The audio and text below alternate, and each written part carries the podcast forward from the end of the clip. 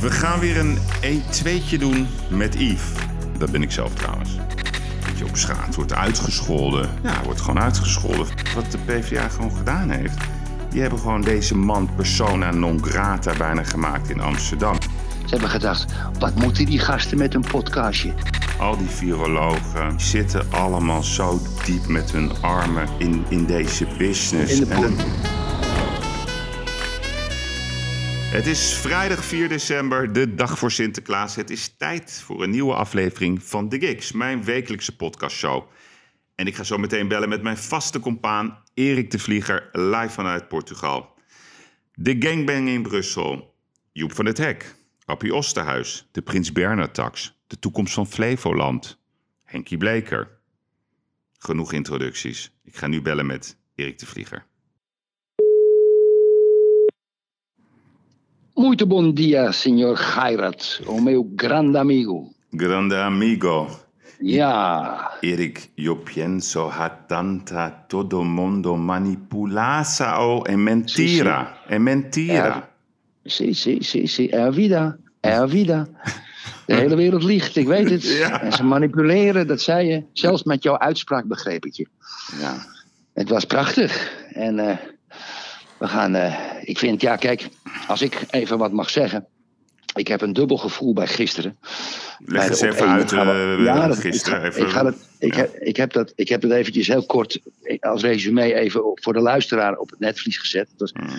uiterst interessant. Ten eerste, ehm, ehm, wij hebben bewezen in onze laatste podcast, podcast met de financiële cijfers van vennootschappen van Ab Osterhaus dat er een kasrondje is geweest van 5,5 miljoen euro cash. Hmm. Voorts heeft hij belangen in verschillende eh, BV's. En voorts heeft hij een aantal patenten op zijn naam. Ab Osterhuis is multimiljonair. Dat mag. Punt. Dat Wacht mag. even, Erik. Hou hem vast, want, want je, gaat, Nou, ik- je, ja, je dat- gaat mijn hele scripten vernietigen. Oh, Want we gaan Oh, eerst even oh, luisteren naar Liza Minnelli. oké. oké. Dan ga ik daarna door met punt 2. Daar gaan we. Liza Minnelli. Money makes the world go the world go around, the world go around. Money makes the world go around, it makes the world go round. A mark, a yen, a buck or a pound, a mark, a yen, a buck or a pound is all that makes the world go around. The clinking, clanking sound can make the world go round. Money, money, money, money, money, money, money, money, money, money, money. Ja, money, money, money, money, money, money. Ja, ja, Nee, ja, dus- ja, ja, dus wij zijn zakenmensen. Ja, we zijn zaken. Wij zijn zaken. Nee, dus wat ik eigenlijk wat ik, wat ik wil doen. ehm, ik wil echt even beginnen met eh, de Prins Bernhard tax. En daarna wil ik echt met je gaan doorpakken op Ab Osterhuis. Maar ik wil eerst even beginnen met de Prins Bernhard tax. Die werd. eh, ja, die had een mo- mooie kick-off eh, bij eh, M. Was helemaal eh, in scène gezet met Marjolein Moorman. En die mocht. eh, Ja, van de PvdA. ja, ja, ja, met een glimlach mocht ze uitleggen wat zo goed is aan de Prins Bernhard tax. Voor wie het niet gevolgd heeft, we gaan er even naar luisteren. Dat is een extra belasting voor mensen die eh, heel veel huizen hebben. heel veel huizen hebben. Bijvoorbeeld eh, de prins eh, eh, van Oranje, Bernard. nou ja, ik weet ook nog niet precies hoe die heet, maar in ieder geval prins Van Oranje. Bernhard. Van Oranje, toch? Ja. Ehm, waarom? Nou, omdat de Partij van de Arbeid vindt dat huizen zijn om in te wonen en niet eh, primair om aan te verdienen. En je ziet dat sommige mensen ontzettend veel verdienen aan huizen. En dat andere mensen daar hele hoge prijzen voor Ja. moeten betalen. En dat vinden wij niet eerlijk. En we vinden dan ook dat degene die daar ontzettend op verdient... en anderen dus hele hoge huren laat betalen... daar dan ook wel Ja. mee mag bijdragen aan eh, de belasting die daarvoor wordt gegeven. Want ja, dat wordt nu Ja. vaak eh, toch eh, niet betaald. Ja, dus, dus wat, wat doet ze daar? Ja, vooral dat, dat lachje erbij, hè? Ehm, ja, ze kiest gewoon Prins Bernhard uit als persoon. Ehm, die dan symbool staat voor het grote graaien, voor het stelen van het volk, voor het niet mogelijk maken van wonen in Amsterdam. Ehm, ja, en dat doen ze op een manier, Erik. Ik, ik, vond het, ik vond het heel eng. Ik vond het echt heel eng. Ik heb hem gebeld. En ik vroeg hem, eh, dus Bernard. Ik zeg, wat, wat doet dat eigenlijk met je? Want ik kan me voorstellen, ja, zit je... Jij hebt wel, telefo jij hebt wel telefoonnummers, hè? Jeetje. Ja. Nou, dus, dus, dus, ja, dus zei hij? Nou ja, hij zei, ik wil gewoon uit de publiciteit blijven. Ehm, wat ik begrijp, want hij zegt, hoe meer ik zeg, hoe erger het wordt. Maar wat me wel raakte, is hij zegt, ja, natuurlijk, het raakt me enorm. Ehm, hij zegt, "Het- ik ben er ook gefrustreerd van. Ik kan er gaan uitleggen hoe het allemaal in elkaar zit. Maar wat ik ook zeg, het wordt alleen maar erger. Maar wat, wat, wat ik zo erg vond, hij zegt, ik heb ook een gezin. Ik woon in Amsterdam. Ehm, ja, en ik maak me ook zorgen om het, om het gezin. En Lodewijk Asscher heeft ook een gezin. En wat, wat ze eigenlijk doen, ze zetten me gewoon... Ze zetten mensen gewoon aan tot, ja, tot, tot, tot, tot bijna agressie, weet je? Het willens en wetens aanzetten tot haat. Dus ik vroeg aan hem, ik zeg, joh, heb je, is het al gebeurd? Dat je op straat wordt uitgescholden. Ja, wordt gewoon uitgescholden. Nee, ik zeg dus eh, vuile, vieze huisjesmelkers, zoiets. Ja, nou, dat soort dingen. En dan ook, Ja. ook, weet je, die bril. Het is ook nog eens iemand die opvalt, hè, dus je ziet hem. Dus eigenlijk wat, wat, wat, wat, wat, wat de PvdA gewoon gedaan heeft... die hebben gewoon deze man persona non grata bijna gemaakt in Amsterdam. Je kan alles vinden, Erik. We gaan het, er- we gaan het er inhoudelijk eh, nu over hebben ook. Maar, maar je kan toch niet een soort, soort public eh, hunt gaan maken op een publiek figuur... omdat dat lekker makkelijk scoren is over, over de rug van een familie. Ik vind het echt, ik vind het echt, eh, echt, echt Kijk. ongelooflijk schoftig, Erik. Kijk, kijk wat, wat, wat, kijk, ik heb mijn problemen met de Prins gehad ook. Met Mm. mijn radiostation. Ja. Dat doet niet de zaak. Dus ik, ik, ik, ik vind dat hij toen meedogenloos is geweest. Ook, ook naar personeel wat gewoon op straat is gegooid. Maar dat is even terzijde. Wat Mm. nu door de PvdA gebeurd is. Eh, Het zijn twee dingen. Eén, het is een ongeloof. Ze verwijten altijd rechtspopulistisch te zijn. Maar ze hebben nu linkspopulisme in het kwadraat bedreven. En voorts hebben ze iemand gedemoniseerd. Ehm, eh, en waarbij ze niet de feiten kennen. Kijk, eh, onze vriend Bernard heeft met een aantal kameraden 102 gebouwen in Amsterdam. Adressen. Ja. Ja. Er zijn 30, 40 zogenaamde huisjesmelkers. Noem Johannes Veldhuizen, 512 panden. Johannes Rapange, 449 panden. Eh, Marianne Pon, vrouw, 393 panden. Et cetera. Dijkhuis, 171 panden. Er zijn mensen die hebben veel meer huizen dan de prins. Veel meer. Die laten ze met rust, omdat de PvdA wil scoren, inderdaad, over de rug van Bernard. Voorts vergeet de PvdA dat de grote huizenbezitters in Nederland die verhuren, de institutionelen zijn. Ja. Ik noem maar even eentje, Sintrus Achmea. Duizenden woningen. Nou, ga daar maar eens een keer de huur niet betalen. Weet je wat er dan gebeurt? Dan krijg je een deurwaarder aan de deur. Dat zijn gewoon institutionele partijen die geld hebben gekregen van enerzijds pensioenen, anderzijds gigantisch veel geld vanuit verzekeringspolissen. Die hebben geïnvesteerd samen met institutionele projectontwikkelaars die, werk, die samenwerken met overheden. Die bouwen woningen en die woningen worden op de verhuurmarkt gezet. Ga maar eens niet betalen. Ga maar eens in een gebied zitten waar die gasten grondbezit hebben, winkels of woningen. De huren kunnen omhoog. Het eerste wat ze doen, ze gaan proberen de huren omhoog te krijgen. Ja. Ja? Dus het gevaarlijke van de PvdA, het asociale van de PvdA, is dat ze gewoon Bernard hebben gekozen. En ik moet hem ook niet, Yves. Nee. Ja, ik heb hem, hij, heeft, hij heeft iets echt slechts gedaan ten opzichte van een bedrijf dat ik verkocht heb, namelijk Wild FM. Een bedrijf waar ik van hield. Maar dat is en hij heeft een oplichter, een oplichter heeft hij erop gezet. En dat is een man, dat ga ik je geen eens vertellen. Nee, oké, maar Dus kijk, Erik, nee, ik dat- vind dat is wel... dat. eh, Ja, maar wacht dat- even, nee, is goed. Ik vind het goed dat je dit ook zegt, hè. Dus, eh, dus, Moet het dus- even zeggen. Nee, je moet het Ja. ook zeggen. Maar ja. ik wil even tot de, tot de kern van, van, van dit onderdeel blijven. Dus ik, ik heb helemaal geen mening. Ik heb zelf wel ervaring met hem. Positief. Eh, hij, is, zo, hij, is scherp, zo. hij is scherp op de bal. Het is een... eh, ja, het is, ik vind het een, een leuke, creatieve ondernemer. Je kan alles vinden van het circuit in Zandvoort. Eh, De helft Ja. van Nederland vindt het asociaal. En de andere helft vindt het allemaal te gek dat er weer de Formule 1 naar Nederland komt. Hij heeft een prachtig bedrijf eh, in het Oostblok op het gebied van software. Hij doet veel voor de lymfeklierorganisatie. Hoor je Oh, die kat? Ja, dus ik heb twee zwerfkatten, sorry. En die Ja, willen eten hebben. Ga weg, ga weg. oh, kijk. Ja, oké, ja, ga door. Nee, dus, Ja. dus, maar we moeten even niet, want dat is ook niet fair, hè? Dus want dan, je moet ook iemand Nee, aan de andere PvdA, kant van het Ja, we moeten het even over dit onderwerp hebben. Dus het gaat erover. Zij roepen de Prins Bernhard tax in het leven. Dus ze demoniseren gewoon een mens met een gezin, met kinderen. En zonder enig tegengeluid wordt hij bij die man bij, op E- bij M, hè, gewoon staatstelevisie, ja, gewoon neergezet op een manier dat je echt denkt van... dit, dit mag gewoon niet. Ik bedoel, dit mag niet. We kunnen, wat jij zegt, hè, ik vind dit en ik vind zus en vind dat begrijp ik. Vind, vind ik ook goed dat je dat zegt. Ik vind het zelfs een belangrijke disclaimer. Maar wat de PvdA doet, die fatsoen hoog in het vaandel heeft staan, die doet gewoon een publieke aanval op een, op, een, op een gezin wat gewoon in Amsterdam woont en gewoon op zijn manier probeert te ondernemen. Dat vind ik schofterig. Ja, maar het is hypocriet. Ja, Want als je gewoon een lijstje opzoekt van de grote Exact. eigenaren van huizen. ja, Hè, en kijk, weet je, en wat het erg is, het wordt altijd op de privépersoon gespeeld. Want de huiseigenaren, ja. hè, dus de grote huiseigenaren, waarvan er 40, 50 veel groter zijn in, in Amsterdam dan de prins met zijn met zijn studiekameraden. Want ze hebben natuurlijk een BV met allemaal woningen erin. Ja. En het is, en het is, het is, van, het is van de PvdA is het lager dan laag, want het scoort lekker en het bekt lekker op social media. Ja, We gaan de exact. prins aanpakken, want iedereen heeft toch hekel aan. ja. Ja, dus ik ben, ik ben, ik ben, eh, ja, ik vind het van Lodewijk Asscher, die toch alles van demoniseren af zou moeten weten, Hmm. eh, vind ik het een zwaktebod. En, eh, en, en niet goed. Dat Nee. is een schande.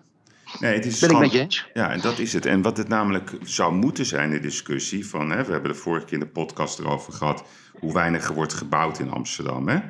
Ehm, daar, daar, daar heeft de PvdA ook een rol in. Daar heeft GroenLinks een rol in. Hè, er is een grote behoefte aan sociale huurwoningen. Die is er gewoon. Ja. Ik denk dat de, de grote vastgoedontwikkelaars onderdeel zijn van de oplossing. Ze zijn niet onderdeel van het probleem, ze zijn onderdeel van de oplossing. Ga gewoon bouwen. Je hebt vorige keer uitstekend uitgelegd dat, ze, dat we hoger moeten gaan bouwen. Ja. Dus er moeten gewoon sociale huurwoningen komen voor studenten. Tegen aantrekkelijke financieringscondities. Daar moet helemaal niet meer over nagedacht worden. Er moet begonnen worden met bouwen. Dat is wat er, wat er moet gaan gebeuren.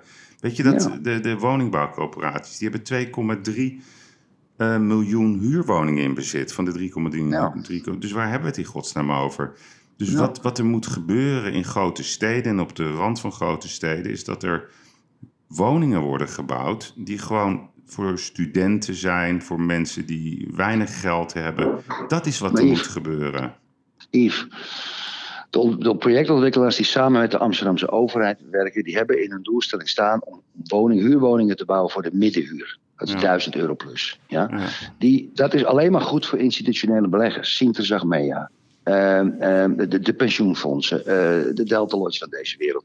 Die hebben zoveel geld, die willen dat investeren in middenhuur. Hmm. Want als die in sociale huur gaan investeren, zijn mensen die slecht hun huur betalen, die leven aan de rand van de maatschappij, die hebben financiële problemen, die raken eerder een baan kwijt. De middenhuur, zeg maar de Rabobankhuur, dat is veel makkelijker. Ja. Ja? Dus wat doen ze? Ze bouwen alleen voor die doelgroep.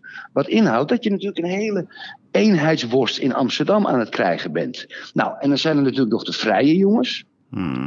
De Bernhard en pak een beetje nog 60, 70. Die 75 plus deuren hebben. Ja, en die zitten in de vrije huur. Mits conform het puntenstelsel van het appartement. Want een appartement moet aan bepaalde punten voldoen.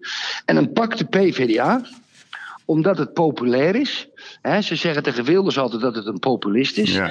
En dan gaat zo'n vrouwtje bij Moorman, bij dat, bij dat hele domme, slappe aftrekselprogramma. Waar die Margriet van der Linden totaal ondeskundig een beetje meeblaten tegen de prins. En die doen ze dat. En het volk pikt het maar. Iedereen pikt het maar. Ja, Iedereen pikt het maar. En ik heb, ik, heb, ik heb Bernard ook wel een straf gegeven op social media. Hoor. Maar dat Ja, was vanwege mijn Nee, maar- Maar dat maakt niet uit. Maar laten we zuiver blijven. zuiver blijven. en, wat, Dit en wat, wat ook, wat ze erbij moeten zeggen, eh, het is een fonds, dat is het Pinnacle Fonds.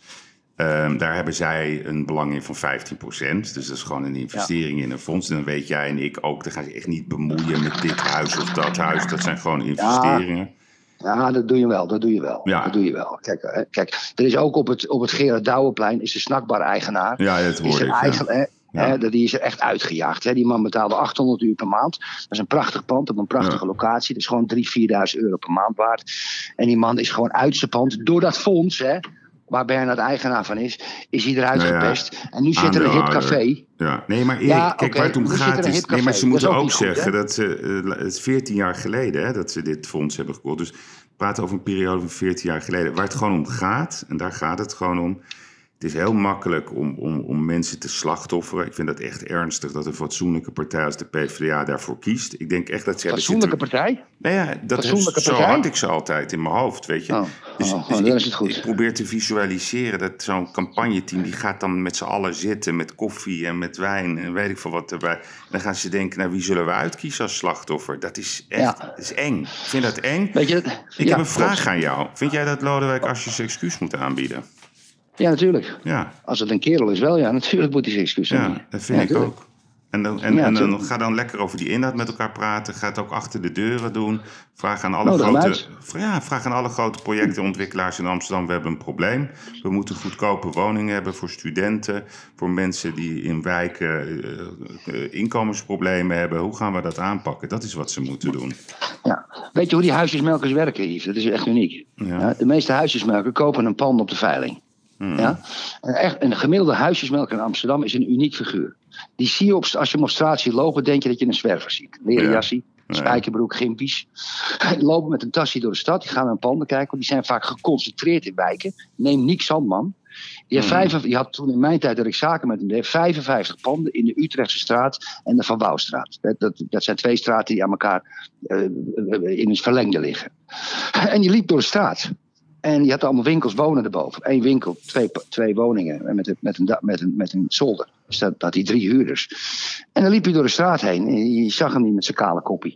En dan ging hij naar de huurders toe, ging hij praten. Ja. Dat is uniek. En die staan, stonden op de veiling, staan ze allemaal te bieden. En het zijn allemaal gasties. En die, hebben, die zijn zomaar goed voor 100, 200, 300 miljoen nu. Hè?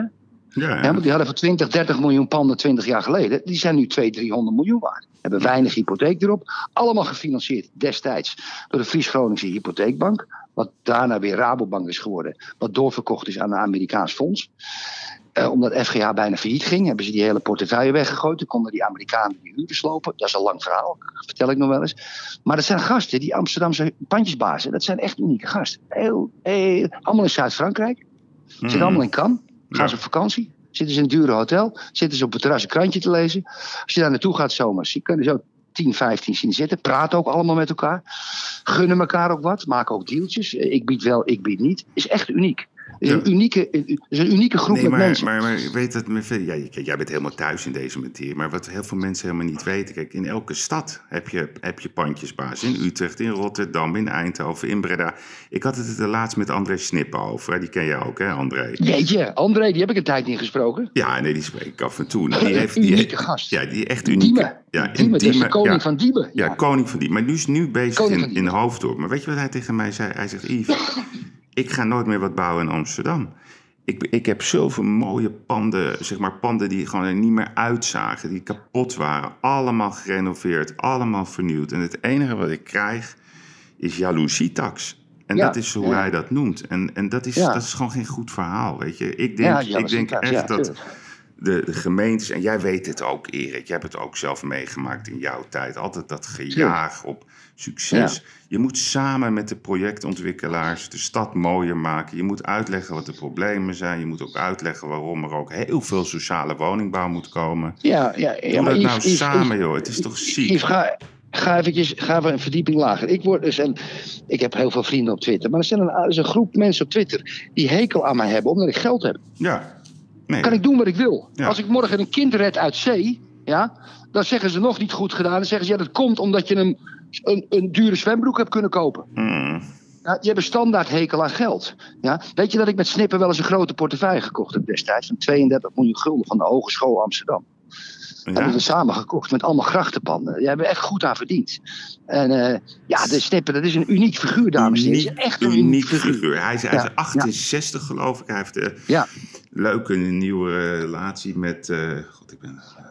hij ging met Anna Sprenger, weet je nog? Met Annie ja, met Anna, ja, ja zeker. en daarna met, ehm, hoe heet ze nou? Jeetje, daar komen we straks wel op.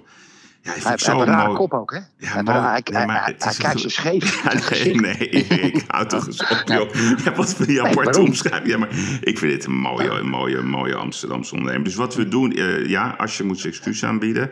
En anders, komt gewoon Asscher, de, ja. en anders gaan we de Lodewijk als je tax introduceren. Dat is, eh, Nou, dat ja, wil ik eigenlijk, ja. daar heb ik ook over nagedacht. Jij wilde de Lodewijk Assetax. Ik wil eigenlijk, kijk, ook door die toeslagenaffaire, wil ik een andere term introduceren. Hmm. Dat is als een, als een burger, niet niet een bedrijf, maar als een burger zo benadeeld is door de overheid, Mhm. dat hij recht heeft op een vergoeding, dan wil ik een nieuw woord, dan heeft hij recht op een Lodewijk. Op een Lodewijk. Op een Lodewijk. Dus een Lodewijk, eh, Mhm. het doel is om in de dikke van Dalen een Lodewijk te krijgen als een vergoeding voor de burger. En dat allemaal vanwege de schandaligheden omtrent de toeslagaffaire, waar uiteindelijk Asje natuurlijk de hoofdschuldige is als eindverantwoordelijk. Ja, oké, misschien Dus ik krijgen we een hem nog in. Ja, een Een Lodewijkje. Lodewijk. Maar dat moet wel één Lodewijk. woord zijn, hè? Dus hoe doe je, klopt dat dan? Is dat dan één woord? Want de dikke van Dalen zijn, moet dat één woord zijn. Een Lodewijk, aan elkaar vast. Je, kan, je, je hebt een brugman, je kan praten als brugman. Ja, je hebt een Nee, oké, Lodewijk. een Lodewijkje. En Lodewijk. een Lodewijkje houdt gewoon in dat je gewoon 25% van je, van je salaris, wat je krijgt van de overheid, moet je afdragen aan een goed doel. Zoiets. Nee, nee, je vraagt aan de rechter. Ik zeg, rechter, ik heb recht op een Lodewijk. Ik zeg, rechter, hoeveel... Ja, ik heb, want ik ben benadeeld. De- Die man die hebben de deurwaarde op me afgestuurd. Dat klopt niet. Ja, Oké. nou oké. daar, eh, zo wil ik hem houden. Een Lodewijk. Oké. Nou, het gaat lekker over geld vandaag. Dus we gaan even luisteren naar onze grote vriend Wim Sonneveld. Poen, poen, poen, poen. De een zegt geld, de ander money, maar wij zeggen poen. Poen, poen, poen, poen. Zou je gedacht zijn wat je allemaal met poen kunt doen? Je hoort vaak zeggen dat geluk niet zo te koop is. Maar geld doet wonderen en vooral als het een hoop is. Poen, poen, poen, poen. Poen, poen, poen, poen, poen, poen. Lekker hè? Poen, poen, Ja. poen, poen. Ja, nou Erik, Appie Osterhuis. Het is, even, mag ik hem even... Ik moet even beginnen. Dus wat zeggen wij vorige week? Wat zeggen we? Kelder, die heeft gezegd... Ik blokkeer Ab Osterhuis op de donderdag. En wie zat... wacht even.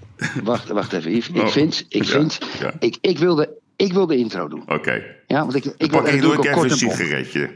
Ja, pak jij een sigaretje. Kijk, ik heb net gezegd, één, wij hebben onomstotelijk bewezen, punt één, dat Ab Osterhuis multimiljonair is. Ja. Eén. Dat mag, hebben wij geen probleem mee. We willen alleen maar weten, hoe kom je aan het geld, Ab?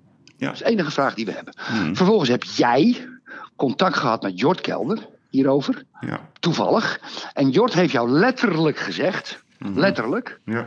al- ik blokkeer Ab Osterhuis op donderdag, want hij is al 25 keer bij onze uitzending geweest. Ja. Punt 3. Vervolgens heb jij, en Yves, lieve vriend, ik ben trots op je. Heb je eigenlijk deze hele week de redactie van Op 1 aangesproken, gebeld en geschreven? Hmm. Nou, wat is er nou precies gebeurd? Want wij hebben een, ons is een lesje geleerd. Jort Kelder is aangesproken door de redactie van Op 1. Die zegt: hey Jort, bepaal jij soms wie er donderdag komt? Dat bepaalt een redactie. Ja? Jort heeft natuurlijk gezegd: Nou, dat is niet helemaal zo. Dat heb ik niet gezegd. Maar weet je wat, redactie? Om die de vlieger en Ga- Gairat en de vlieger naar een oortje te wassen, we nodigen hem gewoon uit op donderdag. Vervolgens heb jij voor de uitzending Jort Kelder alles gegeven waaruit blijkt dat App een kasrondje gedaan heeft van 5,5 miljoen. En wat blijkt? Ze beginnen de uitzending om te zeggen dat er een disclaimer op moet rusten. En dat doen ze op een beetje lacherige manier. Ze gaan gewoon voorbij aan het feit dat Ab veel geld heeft. Ze vragen hem niet wat te doen. Ze hebben gewoon de redactie, Yves, en we moeten het toegeven. Ze hebben gedacht, wat moeten die gasten met een podcastje? Oh ja, luisteren daar honderdduizend mensen naar. Wat moeten ze? Wij bepalen, uit wat, wij bepalen wat er gebeurt. En wij bepalen de vragen. En niet die twee gasten. Ja. En dat lesje is ons geleerd. Dat is het kwalijke is, en dan stop ik ermee. Het kwalijke is dat ze volledig voorbij gegaan zijn aan één vraag. Want de balans heb jij gestuurd aan Jort Kelder. Hmm. En waarschijnlijk ook aan de op één redactie. Van een vennootschap die een kasrondje deed van 5,5 miljoen gulden. Euro. Waarbij Euro. 100 euro, waarbij 100% van de aandelen op Ab Oosterhuis zijn naam stonden. Mhm. Dat was één vraag, één minuutje. Ja. Hoe bent u aan dat geld gekomen? Dat hebben ze niet gedaan. En daarom, Yves, zit, is het wat Trump altijd zegt: it's a swamp. It's a swamp. We gaan Maar ons is wel een lesje geleerd. Ja, en dat ja. is, dus ik, heb er een demoral, ik ben gedemoraliseerd, enerzijds Ja. omdat we het niet naar boven hebben gekregen daar op televisie. Maar anderzijds is het ook wel weer een bewijs. Ja, ik, wil niet, ik, ga niet, ik ga ze niet allemaal beledigen, maar ik vind het wel een beetje eng. Ja. Nou, een mooie introductie, Erik. Hele mooie. Dus wat had ik gedaan? Ik had even lekker een mooie fles eh, Gaia opengetrokken. Ik denk, nou, hè, Appie gaat... ja, ja, ik denk, ga lekker... Er was een goede vriend uit Frankrijk, die was bij me le- we hadden ook nog eh, twee, op twee zenders de voetbal. eh, AZ hadden we Ja. aanstaan, Ja. we hadden PSV 1-1. aanstaan. Ja, ja, ja. ja, ja, ik ook. Ik ook. Ik En, ook. en, we hadden, en dan op, op, op, mijn- op mijn iPhone zat ik te luisteren naar eh, op één. Nou, dus, dus ik denk, nou, een lekker wijntje, dat doet Appie ook. Maar Appie heeft ook nu een glas water. Hè? Dus, dus ik denk dat het zelfs zo ver gaat, Erik, dat ze zeggen... geen rode wijn, daar heb je al te veel gezeik over gehad. Had je het gezien aan het water? Is me niet opgevallen. Ja, water. Hij mag, niet meer, hij mag geen rode wijn meer drinken. Maar toen kwam, toen kwam het, de belangrijkste vraag. Maar ik ga eerst, dus ik zat even, we gaan even naar Pinocchio luisteren. Mijn grote vriend Pinocchio. Liegen, stelen en bedriegen. Je moet iets doen voor de kost. Met een leugentje om beste wil. Zijn onze zorgen opgelost. Liegen, stelen en bedriegen. Waarom zou je eerlijk zijn? Kijk, Ja, dus, mooi, hè? Ja, mooi hè? Dus wat gebeurt er nou? Kijk, dus Jort, die, die, die heeft het over de ombudsman. Ja, ik ga je straks voorlezen wat er in die uitspraak van de ombudsman staat. Maar die haalt daar een, een, een selectieve zin uit. En die heeft het over mensen. Maar hij had, van mij best mogen zeggen... Gerrit en de Vlieger, die zitten te zeuren. Ja, maar die eer gaan ze ons niet geven. Nee, nee, nee. Oké, maar die, die, die zeg ik dan even. Dus hij had het Ja, best ja, van mij mogen zeggen. Ja, Gerrit en de Vlieger, die zitten te zeiken. Maar ja, de eindredactie van Op 1, die zegt gewoon... Ja, Gerrit en de Vlieger gaan natuurlijk niet bepalen wie er bij Op 1 aan tafel zitten. Nee, dat klopt. Dus, dus wie zat er donderdag aan tafel bij Op 1? Ja, Ja. dat is heel toevallig, hè? Laat, ze- laat ze de pers krijgen, die twee gasten. Dat ze de pest krijgen. Maar ja, maar wij, leggen ons niet zo gauw erbij neer. Dus wat zegt onze... Dus, dus Jorti, die, die gaat dat heel keurig introduceren. Die heeft in ieder geval... Dus het kleine invloed wat we hebben is in ieder geval gelukt. De disclaimer, Ja. die is nu definitief is die gedaan. Maar wat hij vergat te melden van de uitspraak van de ombudsman... Dat staat in de uitspraak. Een gewaarschuwd mens stelt voor twee... en je kunt je studie, studiogast en het gesprek waarin deze een rol heeft... op deze manier ook juist meer status en meer geloofwaardigheid geven... door te melden waarom iemand verstand van zaken heeft. Ook al is dat omdat hij of zij bepaalde connecties of belangen heeft. Van meer transparantie wordt niemand ziek. Nou, uitspraak van de ombudsman. Gaat over Ab Ja. Osterhuis. Dus, wat zegt Ab? Dus wat, wat, wat Jort, ja, dat deed hij niet handig. Hij zegt, ja, die had belang van 9,8% aandelen in Vero Clinics. En wat zegt Appie? Dat is een belang vanuit 2009, Erik. Ik ga straks eventjes wat Ja. vertellen over die BV. Ja, Wat zegt hij gisteren, Appie? Ik verdien niet aan vaccins of medicijnen. Maar weet je in wat hij... principe zei hij, hè? Ja, in principe zei hij. Ja, in principe. Ja, ja, maar weet je in wat hij, ja. wat, hij, wat, hij, wat hij er niet bij zei? Dat vergat hij even. Ik verdien wel geld aan onderzoek. Ja, Kijk, dus die man is zo... Dat is een hele slimme man, hoor, die App. ja. Jongen, jongen, Hij heeft een heel onschuldig hoofd. Ja, hij is heel Je onschuldig. zou zo je opa kunnen zijn, weet je. En, dan, en op een gegeven moment gaat het over Engeland, hè? En dan zegt hij over Engeland. Ja, eh, want, want Jort zegt, ja, eh, Engeland gaan zo vaccineren. En dan zegt die, die, die, die, die ja, ik begrijp het ook niet. Eh, Of ze hebben meer gegevens, of het is onverantwoord. Maar ze hebben, daar, ze hebben continu contact met die Engelsen. Alleen die Engelsen, die overrulen gewoon al die lagen die er zijn. Want er kan gewoon al lang gevaccineerd worden als ze het willen. Nou, wat doet op Ja, maar één? kan je nog even... Ja, ja wat doet op één? Ga door. Ja, Ja, ja. wat doet op één? Dus dat is echt helemaal te gek. Die twittert vervolgens de mening van Osterhuis. Waarom Engeland van start gaat, weten ze weer niet. Maar die gaat de mening die, die, die Osterhuis dus in op één aan het vertellen is... gaan ze ook nog eens twitteren. Dus ze zijn ook nog Ja. eens een, een hulplijn. ja, Nou. ja, het is een vriend, hè, natuurlijk. Hè. Als je daar 25 keer komt, ben je een vriend. Maar ga door. Ja, hij zegt ook nog, we hebben geen strategie. Ja, heeft hij gisteren gezegd. Nou, maar wat zei hij in het voorjaar? Het coronaprobleem is beheersbaar, heeft hij gewoon gezegd. Ja. En op 27, ja, het is, eh, Erik, moet je eerlijk zeggen, het kost heel veel energie allemaal, maar we doen het voor het goede Ja. doel. We leggen ook uit waarom we het doen. Hij zegt op 27 februari, ook weer bij op 1, ik voorzien geen grote gevolgen. Zullen wel wat meer coronapatiënten komen. En een dag daarna zegt hij, de beer is zeker niet los, ik maak me geen zorgen. Dus allemaal quotes van Ab Osterhuis. Nou, dat is de deskundige waar wij naar moeten luisteren, Erik. Ja, maar kijk, eventjes voor de goede orde. Verleden week in een Telegraaf-interview. Ja, Ja, Met zijn nieuwe boekie, had hij nieuw ik- boekie. Ik, ik wil u niet bang maken, maar er komen nog wel vijf virussen aan. Ja. En de Telegraaf neemt het klakkeloos over. Maar even terug naar de feiten. Buiten het feit dat hij een kastrondje gedaan heeft van 5,5 miljoen... heeft hij een belang van 9,8% in dat bedrijf. Gehad. Ja, is dat zo? Ja, hij zegt gisteren. Maar kijk, daarom. Ik zei, Nee, eh, nee, nee, dat is een ander bedrijf. nee, ja, hij 3 in Ja, had. dat is nee, dat nee, is een Zweedse bedrijf, Isconova. Ja. ja. Maar heeft hij nog dat bedrijf, heeft hij nog die 9,8% in het bedrijf wat jij mij gisteren vertelde? Nee, dus hij heeft dat belang gehad. Heeft hij dat verkocht? Nee, dat heeft hij. Maar kijk, dus hij zegt, en, daar, en daar, dat begrijp ik ook niet. Kijk, dus hij zegt gisteren: nee, nee, ik heb die aandelen niet meer. Want hij zegt: ik verdien niet aan vaccins of medicijn. Dan was de simpele vraag geweest. Die had Jort gewoon moeten stellen. Maar waarom had u die aandelen dan eigenlijk als u niet verdient aan, aan vaccins of medicijnen? Dat was de enige vraag die Jort had moeten stellen. Waarom, waarom had u die aandelen dan? De directeur van de Erasmus Universiteit, die heeft verteld destijds... we hebben hem die aandelen gegeven van zijn, vanwege zijn intellectuele eigendomsrecht. Maar Erik, waarom heeft iemand aandelen? Toch niet voor de lol?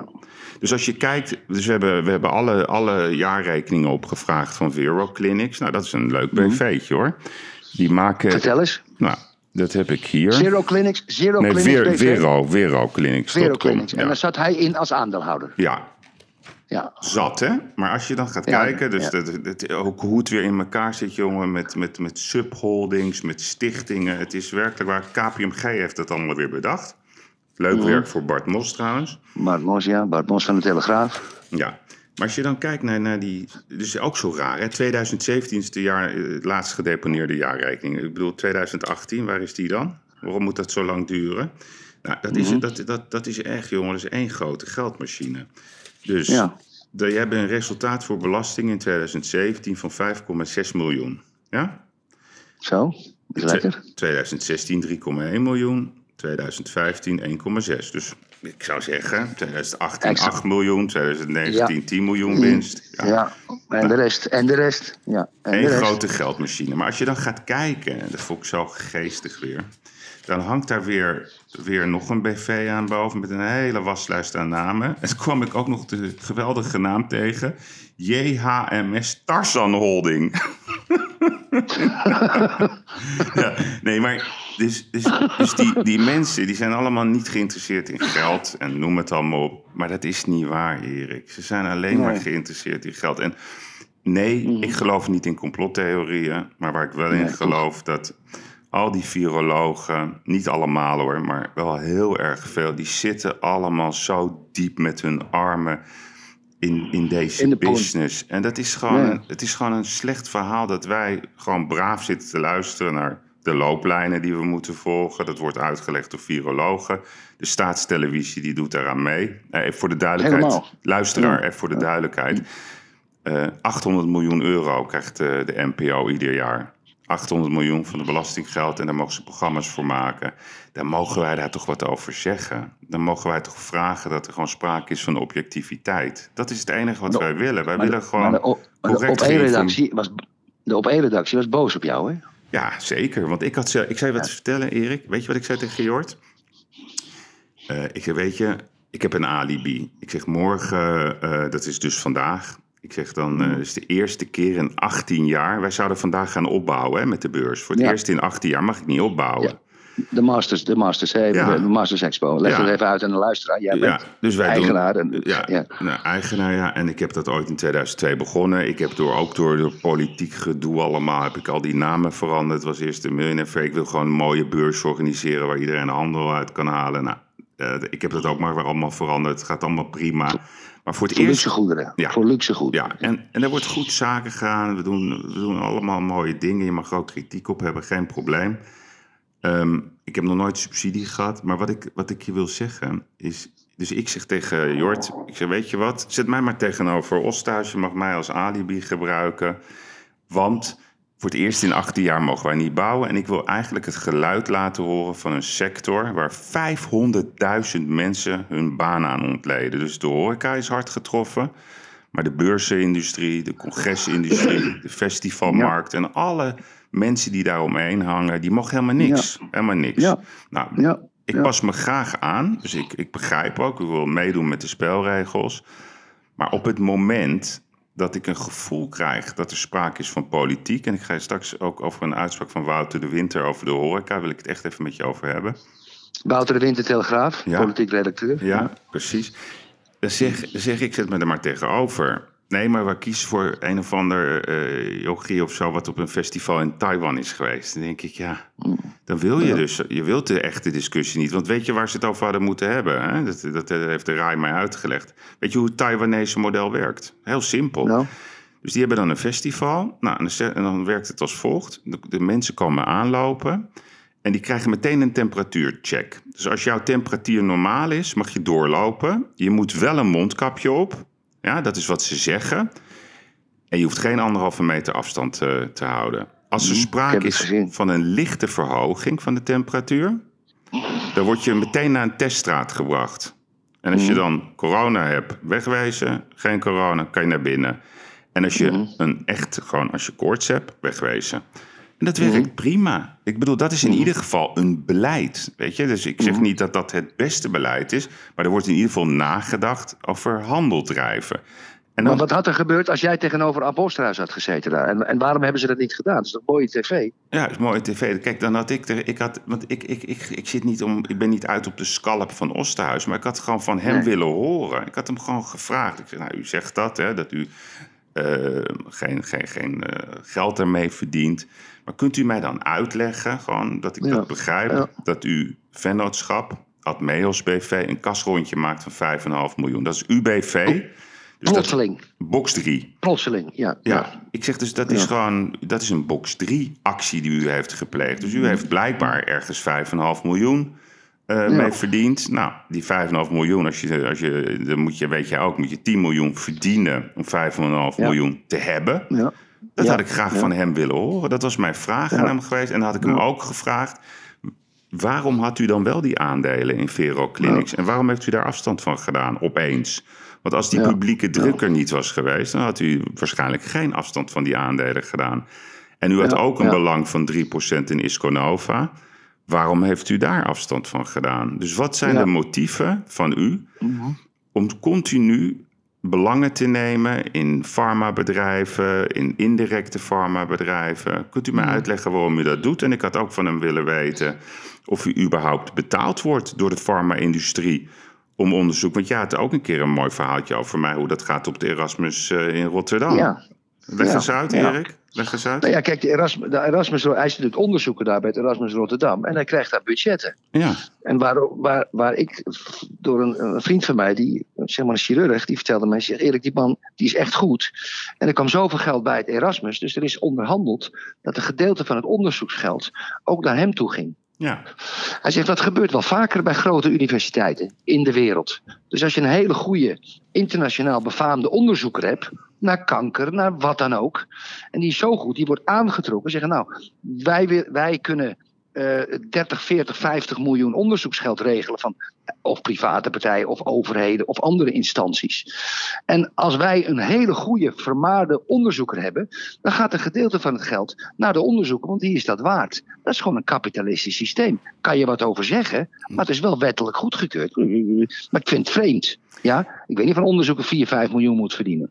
Nee, maar Dus op exact. het Erasmus is, dat, is, is een gedeelte van de onderzoeksgelden. die zijn zelf naar Ab Osterhuis gegaan. En misschien was dat wel die 5,5 miljoen, Yves. Ik weet het niet. Maar daar kan hij toch wel antwoord op geven. Nee, en wat ze En me dan ook kan er op één ja. redactie, dan kan er op één redactie toch wel een één vraagje. Ze hebben en het werd zo lachen. Ik, ze, Ja. ze begonnen de uitzending met. Nou, eh, we moeten een disclaimer geven. Ja, we zijn wat moeten, ja. klachten geweest. Ja, want er zijn wat klachten geweest Ja. van mensen. Nou, twee, jij en ik. Ja. Ja. van mensen. Ja, en toen werd er lachen. En toen dat meisje wat ernaast zat, die zei: Nou, dat hebben we dan. De disclaimer ook gedaan. Laten we overgaan tot op de orde van de dag. Ah, ah, ah, you know, wij, wij krijgen, wij krijgen wel een lesje van: hé hey jongens, eh, wij zijn hier de baas Ja. en niet jullie. Dat, dat moet ik ze nageven. Nee, dat we, is waar. We, hebben Ja, wel maar- een, we hebben wel een draai om ons oren. Ja, gekregen. Erik, wij zijn niet de baas, hè? Dat is even voor de duidelijkheid. Wij, hebben, wij zijn niet de Nee, wij, we hebben, niks, wat- we hebben maar- niks te vertellen. Maar wat het wel geresulteerd heeft in ons appverkeer gisteravond laat, Yves, ja. dat wij hulptroepen hebben ingeroepen, hè, financiële hulptroepen. En eh, ik ben ook bereid een beetje daar wat in te investeren. Want wij gaan natuurlijk door met ons onderzoek. Want er is meer. Nee, En het is nu leuk. begonnen. Het is nu Het is begonnen. Nu de warming-up de warming up is over. Nee, De nee. wedstrijd gaat beginnen. De scheidsrechter komt het veld op. We hebben een draai om de gehad, maar het begint nu leuk te worden. Want weet je wat ook zo opmerk is? Je kan toch ook gewoon aan Appie vragen... Luister, 2009, het, het filmpje. Ja, knetterpositief. Ja. Het kind van vier. Laten we het nog heel even over hebben. Je ging whisky drinken. Wat, wat was de bedoeling van vraag 1? Waarom ging je whisky drinken met je medewerkers? ja, ja, wie- lu- luisteraar, wie het nog niet gezien heeft, ga kijken. Ab Osterhuis gaat whisky drinken met, zijn vak- met, met, met al zijn collega's. En vervolgens krijgt hij op, op zo'n oude telefoon krijgt hij dat sms-bericht voor die bestelling. En wat was het handgebaar? Het vuistje ging Victorie. omhoog. Victor. Ja, ik zou Victorie. zeggen, jij, kent Tamara, hè, dat is mijn vrouw, lieve luisteraar. En die vindt het allemaal, eh, ik moet dit allemaal niet doen en zo. Dat zegt ze Ja, altijd. ja. Dus ik, liet, ik Ja. liet het haar vanochtend zien. Ik zeg, ja, je moet toch even hier naar kijken. Want ze zegt, ja, maar wat, wat maak je nou druk om? Wat, wat doet die man fout? Ja, hele normale vragen. Maar toen liet ik haar dat zien. Dat, toen ging echt de hand voor de mond. Want zij wil dat niet geloven. Nee, nee, en ze wil je beschermen. Want ze denkt natuurlijk, als jij weer op de voorgrond treedt met zoiets, dat je weer een aanval kan krijgen. Want dat heeft ze al meegemaakt. Heeft ze al meegemaakt, ja. wil- Dat is de reden waarom ze je wil beschermen. Dat je geen gekke dingen doet. Ja. Ik snap je. Ja. Dat is makkelijker met een Portugese vriendin. Die snapt geen Nederlands. Ik heb het veel makkelijker. ja, jij zit lekker op een berg in Portugal. hè? ja. Ja. Ja. ik, ik woon nog steeds in Amsterdam hoor. Dus. Ja, nee, maar Goed, weet, het, is wel, we- we het is wel een leuk spelletje om elke week zeggen dat we iemand niet meer eh, bij op één willen. En dan weten we één ding zeker. Dan zit hij er. ik, ik, wil dat, ik wil dat de vlieger nooit meer bij op één komt. Ja? Nooit meer. Maandag niet, dinsdag niet, vrijdag niet. Volgende onderwerp, Yves. We hebben Abby wel genoeg besproken. Die is van volgende week weer. ja, nee, we gaan, we, gaan, we, gaan, we gaan er vrolijk mee door. Ja, de week van de vaccinatie. Ja, Ehm, dat, is, dat is mijn idee. Dus je had een leuk rekensommetje gedaan. Dus Ja, kijk, ja. ik heb een vraag voor jou. Ik begrijp niet dat het RIVM zo vaag doet over de logistiek van het, van het vaccin. We weten nu ongeveer een jaartje dat die vaccins worden ontwikkeld. Dan mag je toch hopen dat ze een goed plannetje hebben hoe ze dit gaan regelen. We hebben 12.500 huisartsen, heb ik even uitgezocht. Nou, ja. de week van de vaccinatie. En dan drie weken daarna, tweede week van de vaccinatie. ja, maar ze krijgen geen vaccins genoeg. En het vervoer... 1 miljoen, hè, volgens. Appie. 1 miljoen. 1 miljoen. Ja, maar, maar goed, dat, die, die moet je binnen een week aan de mensen ge- gevaccineerd kunnen hebben. Als je een klein beetje logistiek verstand hebt. Die moet je niet vergeten, het is in handen van ambtenaren die het uit moeten voeren. Die creëren altijd problemen. Dus eh, dat, ik, ik denk gewoon niet dat ze capabel zijn. En Hugo de jongen die, om dat logistiek op te zetten ook niet. Ik denk dat we er een week voor nodig hebben. Maar het probleem is het vervoer, zeggen ze. Het zal. Ja, maar je kan toch gewoon. Er was ook gisteren, werd, eh, dat vond een goede vraag over die grote fabrieken in, in, in, Duitsland, hè, die worden gebouwd. Kijk, we hebben, we hebben al die hallen. Dus we hebben de RAI, we hebben Ahoy, we hebben het MEC, we hebben de jaarbeurs. eh, nou, dus we hebben genoeg. In het eh, hele land. Ja, In het hele land heb je dat soort loodsen. 12.500 huisartsen hebben we. Ik snap niet, eh, en hoe lang duurt vaccineren? Vijf minuutjes? Ja, ik heb gezegd op mijn rekensom 15 minuten. Hè, dan kunnen ze nog een sigaretje roken of een, of een kopje koffie drinken of een formuliertje invullen. Dat moet ook allemaal gebeuren natuurlijk. Het is dus niet zo dat iedereen maar vol spuit. Je moet wel iets registreren. Ja. Dus ik heb gezegd 15 minuten per persoon. Hmm. Ja, ik heb, en ik heb gezegd als je, als je gaat om één prik, 17 miljoen mensen, hè, dus dat is al belachelijk, want 17 miljoen mensen worden niet gevaccineerd.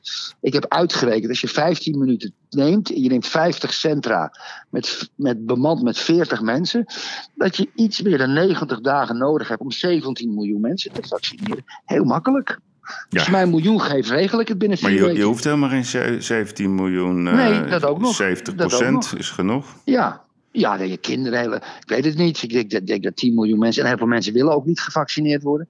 Dus als je de helft van de bevolking vaccineert, kom je al onder het R is om min 1. Ja, dan, ja dat, dat, li- het, het lijkt mij niet zo moeilijk. Maar nogmaals, het, is, het heeft te maken met vervoer. Hmm. Ja, en, en, en het zal ook wel te maken hebben dat de boekhouders van die, van die farmaceuten eh, overuren maken. Want er gaan natuurlijk miljarden, miljarden binnenkomen. Ja, nee, maar dat Ja. is het. Maar kijk, ik, ik, nou, ik, heb, eh, ik kreeg net even op mijn bureau, eh, dat heb ik hier voor me liggen. Eh, de, dus dat is van de John Hopkins eh, Universiteit Amerika. is echt geweldig. Eh, die, die hebben altijd de- beste data die je maar kan bedenken. Mhm. Wie denk jij dat wereldwijd de nummer één is Eh er is geen positieve nummer 1 dit trouwens. Die, waar, waar, waar relatief gezien de meeste doden zijn gevallen door corona. Dus, hè, dus absoluut. Hè. Ik neem aan, luisteraar, dat u begrijpt wat ik daarmee bedoel. Dus dat is het Niet absoluut, wel re- relatief.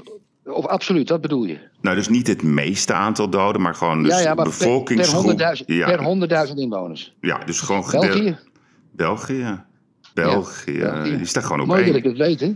Ja. Ja. Twee Peru, ja, drie Spanje, vier Italië, vijf United Kingdom. Wij staan op de 33ste plek. En Amerika? Portugal 37. Amerika staat, even kijken. Binnen de top 10 toch wel, hè? Ja, net, ik geloof de 11e. Even kijken. Vijf, zes. Ja, 11e plek.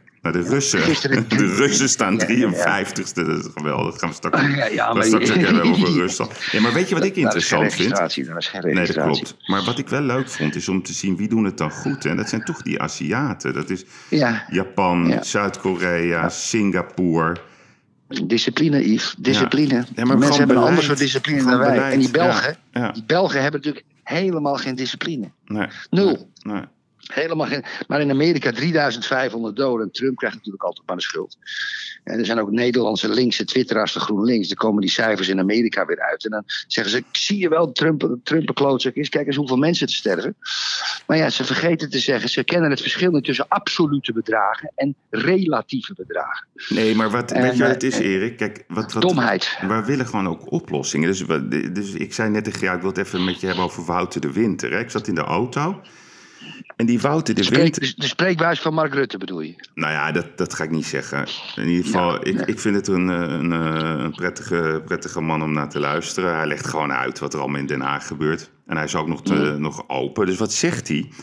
Hij zegt, ja, de horeca die heeft gewoon geen goede lobby gevoerd. Dus wat gebeurt er? Zegt hij, ja, dan komt er zo- zo'n horecabaas... eh, die namens alle horecamensen spreekt, die komt naar Den Haag. Ja. En die gaat dan vervolgens op social media zeggen... ja, was een goed gesprek. Ja, ja. En wat zegt Wouter de Winter? En wat er daarna gebeurt, zegt hij, ja, ja dit was die horeca-mensen. Dus dat zeggen die politici. En die zeggen dan letterlijk, ja, maar ja, zo belangrijk is de horeca niet voor de economie. En die Ja. mensen die Ja. daar werken, die vinden toch wel een andere baan. Ja, dat, Erik, ik kan me Ja. voorstellen, ik begrijp dat die horeca-mensen woedend worden. En dan gaat Rob Jetten Tuurlijk. gisteren eh, opeens uit het niets, gaat die, eh, komt die op voor de horeca. Uit het niets ko- komt, Ja, die, komt die zak hooi op voor horeca. Weet Ja. je wat het ergste is? Ja, echt. Eerst Kiltische en dan- Leendert- het, ja, maar- het lijkt Holleder wel. Die deed ook Leendert altijd? Visser, Leendert Visser, Leendert Visser, voorzitter MKB, die prees gisteren Rob Jetten Ja, voor zijn commentaar over de horeca. Onbegrijpelijk. Rob Jetten is een regeringspartij. Gewoon een regeringspartij. Zit in, zit in de regering. En die gaat dan opeens uit het niets. Gaat hij een beetje, want die voelt naar de horeca moeten, die gaat, moeten we een beetje redden. Die gaat een beetje populistisch daarbij Ja. opeens zitten praten. Ja. En dan zegt de voorzitter MKB, nou Rob Jetten, dat is heel prachtig. Yves, het houdt elkaar allemaal in stand. Ja, het Het is, gaat allemaal om 100.000 euro per jaar salaris. ja. Meer, ik, ik, ik blijf het je zeggen. Ze beschermen allemaal hun salarisje. Want als ze in het bedrijfsleven terechtkomen, is het afgelopen. Nee, maar weet je, ik, ik zou zeggen, bel vaak voor een Jip, hè. Ik laat hem gewoon even met rust, omdat ik weet hoe hij denkt. Hij is, hij is echt kwaad, hè. Weet je, Won is gewoon een oude bordenafwasser, zo is hij begonnen. Heeft een geweldig bedrijf opgebouwd, doet altijd alles voor goede doelen, is goed voor zijn mensen. Die is gewoon wanhopig, joh. Die, die, die, die kan het echt niet meer begrijpen. Ik ga hem ook niet meer bellen. Nee, maar die- Nee. eerst kreeg Wat, hij, wat, eerst kreeg wat, hij wat deed hij aan omzet? Wat deed hij aan omzet? 40, 50 miljoen per jaar? Ja, ik weet niet precies, want hij heeft heel veel verschillende belangen in allerlei verschillende, ook wereldwijd. Hè, zit hij ook in het sushi samba, Ja. ik weet het niet. Ja, ja. ja. Dat, dat ga ik nu iets roepen, dat moet ik niet doen. Maar Nee. eerst mocht de horeca open, weet je nog? De Dam. Ja. Dat was de dag dat de horeca weer open mocht. Nou, en toen stonden daar 14, was, waren 14.000 mensen. Het waren niet daar, maar waren 14.000 mensen. Ja. Ik, ik hoorde echt van mensen die daar rond die Dam stonden, die in die bedrijf, die dachten dat Kenneth Camera was. Ja. Nee, maar Ja. het is gewoon. Het, het is echt het afvoer, afvoerputje van de samenleving. Gewoon al die leuke, waar we zoveel plezier aan hebben. En ze gedragen zich werkelijk waar zo fantastisch. Het is, Ja. weet je, hoe, hoe, het is zo simpel, hè? Dus we hebben gezien vorige week in Nederland de overvolle winkelstraten. Ja, Ja, dat weet je, want de mensen die gaan gewoon op zoek naar vertier. Nou, wat was nou het argument van alle deskundigen? Nee, we moeten de reisbewegingen beperken. Letterlijke tekst. Dus we moeten zorgen dat niet wat er binnen gebeurt gevaarlijk is. Nee, de weg er naartoe. Nou, wat je nu dus bereikt is dat iedereen gaat naar de winkels. Dus juist de horeca is onderdeel, ja, is onderdeel van de oplossing. En waarom maken ze nou niet gewoon de scheiding tussen natte horeca en droge horeca? En droge horeca, dat zijn gewoon de restaurants. Dat is Ja. prima te doen. En je moet tegen de natte horeca zeggen: jongens, dat werkt even niet. Maar we compenseren jullie gewoon voor dik 100%. Dat kan makkelijk, want je hoeft de droge horeca niet te compenseren dan, want die kunnen gewoon open. Wat is dat toch? Zit er dan, is het dan echt werkelijk waar dat niemand gewoon het ja, verstand heeft om zo te denken? Ja, ik, ik sprak met een van mijn grootste klanten, een reisorganisatie, Mhm. en, ehm, gisteren. En, die, en die, die vrouw die, die reist naar Griekenland, naar Portugal de hele tijd door om contracten met hotels te maken. Dat is gewoon doorgegaan. En die had toch corona. Dus ik sprak haar. Ik zeg, god, ze is ziek geweest. Pff, Niet kantje boord of zo, maar ze is heel erg ziek geweest. En, en, en, en, toen, en toen zegt ze, ja, maar ze hebben een analyse gemaakt wanneer ik precies corona opgenomen heb. En dat heb ik niet opgelopen naar mijn reis in Griekenland, Portugal en Spanje. Ook niet op de vliegvelden. Maar dat heb ik opgelopen toen ik eventjes 200 meter verderop naar de supermarkt liep. Ja. Zonder mondkapje. En daar, en daar boodschapjes heb gedaan. Daar heeft ze corona opgelopen. Kijk, dus wat we wel moeten doen, en dat is waarom die Belgen zo hoog staan. We moeten dus wel een soort discipline hebben. En dan kan je weer praten. tuurlijk. Ik krijg nu weer allemaal tweets. Mondkapjes is scha is schande. Mondkapjes, dat helpt echt wel. Nee, maar er is, er is geen duidelijkheid. Ja. ik heb altijd gezegd, ik heb liever één grote brand dan een kleine brand. Daarom was ik ook voor die keiharde lockdown en gewoon het virus eh, Ja. vernietigen. Dan, Ja. waar, waar konden we overgaan tot de orde van de dag. Maar goed, Ja, die komt er hoor. Maar die komt er, die keiharde lockdown hoor. Die 21, Europese landen zijn echt 21 Europees, hè? december. Het lijkt In ieder steeds geval meer... iets van die... Ja, jouw Ja, we krijgen voorspelling... een avondklok. We krijgen zeker een avondklok. Ja, nee, maar Erik, 100 procent. Ja. ja, jouw Europese voorspelling, die kan wel Ja. eens. Dus laten we het even hebben over de gangbang party. ja, leuk. Ja, leuk. ja, de gangbang party. Maar ik, jij zei vorige week in de podcast, Yves, ik ken mijn klassiekers. Nou, Erik, Ja. ik ken, nou, ik ken jouw klassiekers. Weet je wat ik gedaan heb? I- I- I- vertel. Ja, ik heb een geweldig tv-fragment van jou. Dan gaan we even naar luisteren. Oké, oké. Pauw- Pauw Witteman. De verspilling is eh, van een zulke ongekende omvang. Eh, het hele circuit, het hele, we hebben het nu over het Europees parlement, niet over de Europese Unie. Dus de uitvoering, hoe je in het parlement gaat. Het is een, eh, het is een groot feest. Het, is een, eh, het, is, eh, ja, het zijn allemaal vriendelijke schurken bij elkaar. Die, die, eh, die hebben afgesproken hoe gaan, we, hoe gaan we het aan de mensen duidelijk maken dat het, dat het netjes en legaal is. Ja, nee, toen zei, dat is 2000, Erik, 2014 dit, hè? Ja, En, mooi dat- hè? en jij Mooi. zegt al, ja, het is gewoon één groot feest dat. Het is een feest, jongens. Ik ben er Vertel eens geweest. even over die gangbang party. Ja, maar ik, ben, ik, ben, ik, ben, ik had een keer ruzie met, met Wim, niet ruzie, maar woorden met Wim van de Kamp van de CDA. Ja. En, die, en, die zei, en die zei tegen mij, dat moet ik zei, Dan moet je eens een komen kijken. Maar ik denk, nou, dat is leuk. Ja, ik ben mijn dochter er naartoe. Ja, en, en nou ben ik ontzettend aardig de Wim van de Kamp ontvangen. Dat is ontzettend aardig. En toen liet hij me zien hoe, hoe geweldig het Europees Parlement en de EU allemaal die was. En ik ben door al die zalen gelopen. Ik heb vergaderingen gezien. Yves. En ik zeg tegen Wim, Wim, ik zeg Wim, dit is een groot feest. Mhm. Ik heb zelfs, ik, het, het- het was heel mooi. En toen liep- kwam ik een vergaderzaal binnen. Waar, ik, zweer het je, ze waren over wortelen aan het vergaderen. Of over komkommers of zoiets. Ja, over de lengte van komkommers weet ik van waar het over ging. Ja, maar echt hè. En dan had je 28 landen. En dan staan daar cabines achter in die zaal. En in elke cabine zitten drie tolken. Ja, drie. drie. Dus er zitten eh 64 of 84 tolken. Ja, die worden ook weer afgewisseld als, als het te lang duurt. Dus er zitten een paar honderd mensen ook nog de boel te vertalen in de way. En die, die kosten ook 7.000, 8.000 per maand. En toen liepen we langs een kerel en die was in slaap gevallen. Die was in slaap gevallen. Dus ik zeg, Wim, wat is dat? Zegt Wim tegen mij, nou, dat is een journalist. ja, alsof wij vallen nooit in slaap. Eh, Yves, het is één groot ehm, feest voor de mensen die ja. in het Europees parlement werken. Er werken 54.000 Het is mensen. eh, gewoon een, kermis met gratis geld voor de deelnemers. het is kermis met gratis geld. Ze hebben 7,6 miljard in die tijd dat ik er was. Eh, de, loon- en salariskosten. Ze hebben pensioenen waar je stijl van achterover slaat. Een gemiddelde tolk die 20 jaar daar werkt, krijgt voor de rest van zijn leven 8 tot 9.000 euro pensioen per maand. Netto. Hmm. Netto. Eh, het is één groot feest van mensen die elkaar allemaal de balletjes toespelen. En ja, dat heb ik natuurlijk aan Jesse Klaver toen in die uitzending verteld. Ik heb Ja, ja, trouwens nog ja, wat ja, nee, dat wil ik even. Daar gaan we even naar luisteren. Want die hebben we ook gepakt. Dat was zo, ik vond het echt zo'n mooi tv-moment. Even Ja. luisteren wat jij zegt tegen Jesse Klaver. Het is net of ik een accountant hoor. Hij creëert een probleem om het volgens tegen betaling op te lossen. Ja, je lijkt me een Ja. accountant wel. Dan leg eens Ja, uit. die creëert. Die, Heerlijk. kijk, kijk, nou, dat is dus de Holleden tactiek. Een, een probleem creëren om het vervolgens tegen betaling op te lossen. Ja. Dat doen accountants ook. Mhm. Ja, die, creëert, die creëert een probleem, dat is een vak. Ja? Als je naar een financieel adviseur gaat, gaat hij eerst moeilijk kijken. Dat snap ik, want hij moet factureren. Ja, dat, is, dat is zijn gewoon normale impulsen van zakenmensen. En, en zo'n klaver die dan mij even gaat vertellen dat de internationale handel ja, voor ons Nederlanders zoveel beter is geworden, omdat je toevallig niet 50 minuten voor de grens moet wachten. Ja, eh, eh, ik reed met mijn vrachtwagen door heel Europa toen ik jong was. Moest ik 50 minuten bij de Franse grens, 50 minuten bij de Belgische grens en 80 gulden betalen voor de inklaring.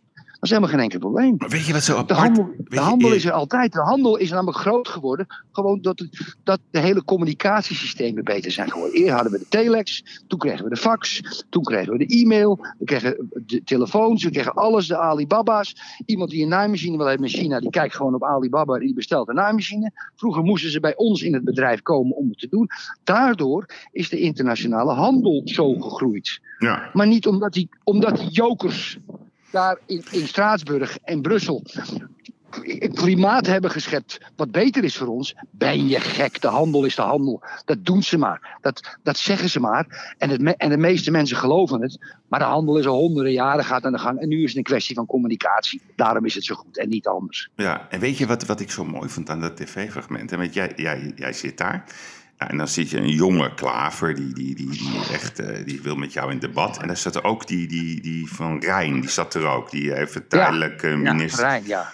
Maar weet Ja. je wat, je ziet daar, die kijken naar jou alsof Ja. jij hun vijand bent, Erik. Ja, ja ben ik ook. Ja, jij bent ondernemer, Ja, ja. dus jij bent eigenlijk Ja. gewoon een smeerlap. Ja. Hè, je bent, je bent Ja. gewoon een smeerlap. Ja, ja. En toen moest ik even, moest ik even denken weer aan, aan onze discussies over, over de toeslagenaffaire. En wat gebeurt nou van de week? Dus ik had eh, een paar gasten bij mij op kantoor. En die hebben, die hebben ook een, eh, een trainingsbedrijf. En die vertellen mij, die hebben dus training gegeven in 2015 en 2016. En echt aan honderden medewerkers van de Belastingdienst over klantgericht werken. Ja, nee, maar Ja. en, die, en die zitten me dat zo te vertellen en zo. En die zegt, en ik vertelde hun dat ik ooit ook een, een, een, een lezing had gegeven bij de Belastingdienst. Ja, dat ga ik een andere keer nog wel vertellen. Dat is echt een hilarisch verhaal. En die zegt, ja, het zijn gewoon eens een ruimte voor iedereen met wantrouwende mensen. En het, e- weet je wat, ze, wat, wat de zin is die ze dan zegt? Ja, we moeten alles vastleggen, want we hebben een case nodig. ja. Nee, maar alsof het een wedstrijd is tussen de overheid en mensen die een beetje willen ondernemen. Het is, ja. Maar weet jij, weet het jij, is al weet 40 jij, dat- jaar zo aan de gang, joh. Dat is toch niet te geloven? Maar ik was, ik was, ik had met, met de redactie van Pauw Witteman had ik afgesproken in die tijd, omdat ik nogal, eh, nogal, nogal spetterende tv maakte. Als ik aan tafel zet, werd het, ik heb Halbe Zijlstra aangepakt, Joop van der Ende. En toen heeft Jesse, toen was eh, een maand of twee, drie later. Hmm. Toen zou ik weer met een onderwerper zitten en Jesse Klaver met een onderwerp. Dus hij heeft Jesse Klaver gezegd: Ik kom niet als de vlieger komt. Ja. Ja, want hij was na de uitzending ook een beetje pissig en zo. Ik kom niet. aan- en toen heb, en dan heeft die redactie van Paul Witteman mij afgezegd om vijf Ja. uur, smiddag. Nou, nee, maar dat is, dat, is, dat is eh, precies hoe het ook nu gaat. Zoals het gisteren ook gegaan. Je moet gewoon zwijgzaam daar gaan zitten, glimlach op en meelullen met, eh, met, met wat, wat, wat, wat, wat ze willen horen. Ja. Er, mag, er is geen ruimte meer voor een eh, knetterend debat, helaas. Of de feiten. Wij hebben ook een swamp, hè? Wij hebben wat Trump altijd zegt. En Trump heeft het natuurlijk in extrema doorgevoerd. Maar wij hebben ook een soort moeras, hè? Vind Ja, niet? ja, vind ik wel. Vind ik Ja, jammer ik, was, ik, gisteren, toen ik gisteren die opende van op 1, hè? Ik, was, ja, ik wist niet wat ik eigenlijk moest voelen. Of ben ik nou boos? Ben ik teleurgesteld? Ben ik, was een beetje gedemoraliseerd. Ik Nee, ik had wel, ik zeg heel eerlijk, ik, had wel, mijn, mijn, ik was wel een beetje gefrustreerd. was mijn eerste reactie. Ja, denk, wat ja, de fuck, jongen. Ja, ik ben een beetje teleurgesteld. eh, Ja. Ik denk, het kan toch niet Ja. waar zijn dat er gewoon geen Maar- goed debat over gevoerd wordt? Maar, maar dat programma, dit Maar dat is, duurde echt- maar dat, even, is hoor. toch, dat, is, dat is toch een aanfluiting voor de Nederlandse televisie. Ja, niet normaal. Die Margriet van der Linden, dat is toch iets. Ja, die, die- ik, maar die, kijk, die- ik, dit- ik- weet je dat ik het graag kijk? ja, ik ook. Ik zit, ik, ik zit te kijken en dan kom ik en dan denk ik, oh, die laat je liggen. Oh, die laat je Ja, liggen. maar het is wel, Ach, ik vind er wel, nee, maar het is, ik vind geen naar iemand. Dat zeg ik je er ook even bij. Alleen Nee. die materie, eh, die, en, en Kokkelman bijvoorbeeld, die heel vaak aanschrijft, die zou Ja, ze gewoon als ja, sidekick moeten nemen. Als kritische Ja. sidekick, niet als duider. Dat kan hij geweldig. Ik begrijp niet waarom Ja. ze dat niet doen. Gewoon als kritische sidekick. Maar goed, Ja, dat, is, nou, dat doet hij niet. Maar hij zou best op een geheim. Dat kan Kokkelman hij. zou best, uh, best een programma. Thijs van den Brink vind ik ook goed. Zit Ja. natuurlijk wel op zijn EO-bootje.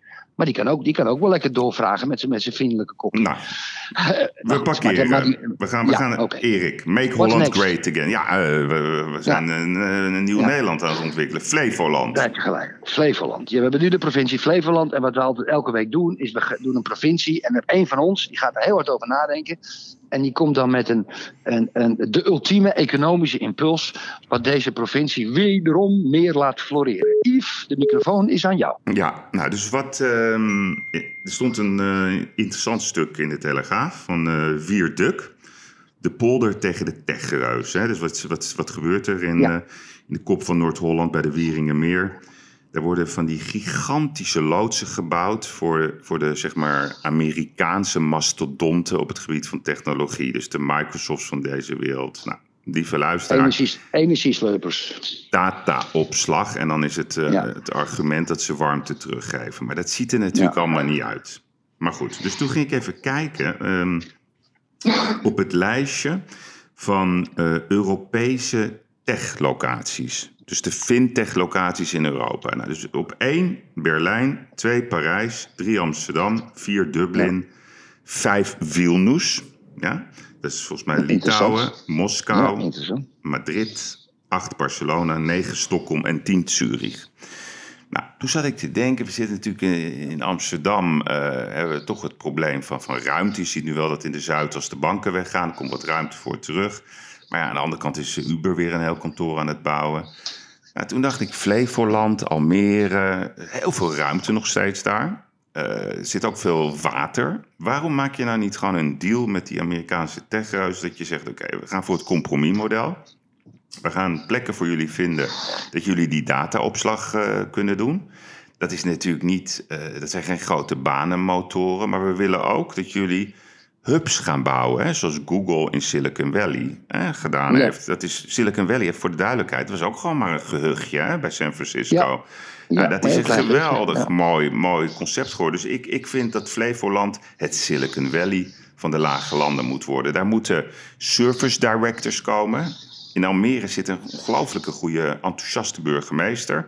Je Mhm. maakt Ali B, die woont in Almere. Die maakt je lekker de influencer voor. Die gaat lekker promotie doen daar in Silicon Valley. En die gaat al die tech-giganten gaat naar, de, naar, de, naar de polder halen. Daar gaan ze niet alleen loodsen bouwen. Nee, daar gaan ze mooie nieuwe concepten bouwen. Daar, daar komt de robotisering, eh, het robotpark, dat we ook nog plezier hebben. Dat, en- Artificial, artificial intelligence development. ja, dat het ook nog fun wordt. Dat mensen daar lekker eh, kunnen werken. Dat je daar, je bouwt daar mooie huizen. Het is allemaal 20 minuten van Amsterdam. Het is 30 minuten van, van, van, van Schiphol. Dat moeten we doen met het Flevolandgebied. En, en de boeren? Want de grond is heel vruchtbaar. Hè? Er komt heel veel, heel veel voedsel komt daar vandaan. Hè? Ja, nee, maar je kan toch ook... Je kan, bijvoorbeeld eh, de, de techjongens, die hebben heel veel verstand van de nieuwe voedselketen. Dus die moet je daar ook gewoon in betrekken. Dus je, uiteindelijk Ja, ja. creëer je gewoon ook eh, gewoon een gedachtegoed voor boeren. Hoe kunnen we... Ik had eh, afgelopen maandag had ik de oprichter van de vegetarische slager in mijn podcast, Jaap Kortweg. Nou, die heeft het best wel slim gedaan. Die heeft het dan aan Unilever verkocht. Nou ja, whatever. Maar hij zegt ook, er moet een nieuwe voedselketen komen. Maar dat moet je weer samen doen met technologie en samen met de boeren.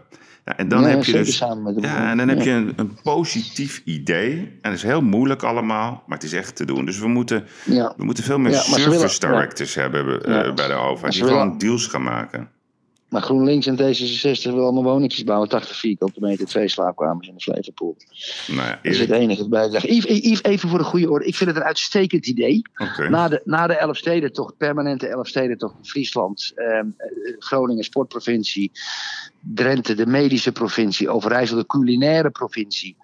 Ehm, dan hebben we nu Flevoland als de, als de, ja, als de high-tech provincie. Ik vind, Ja. dat, ik vind dat, dat thema voor deze provincie vind ik een uitstekend idee. Ja, Uitstekend Nou, idee. Yves. dank u wel. Ja, Dank u wel. zo had ik het niet bekeken. Zo had ik het niet bekeken. Erik, had je Henkie Bleken nog gezien bij Wakker Nederland? Ja, natuurlijk heb ik Henk Bleker gezien bij Wakker Nederland. En ook daar, ik heb het nog aan Wakker Nederland redactie gestuurd. Ik heb het nog aan Rick Niemand zelf gestuurd voor de uitzending. Henk Bleker was aanwezig op de zogenaamde fundraisingavond op de Amerikaanse ambassade als CDA-prominent.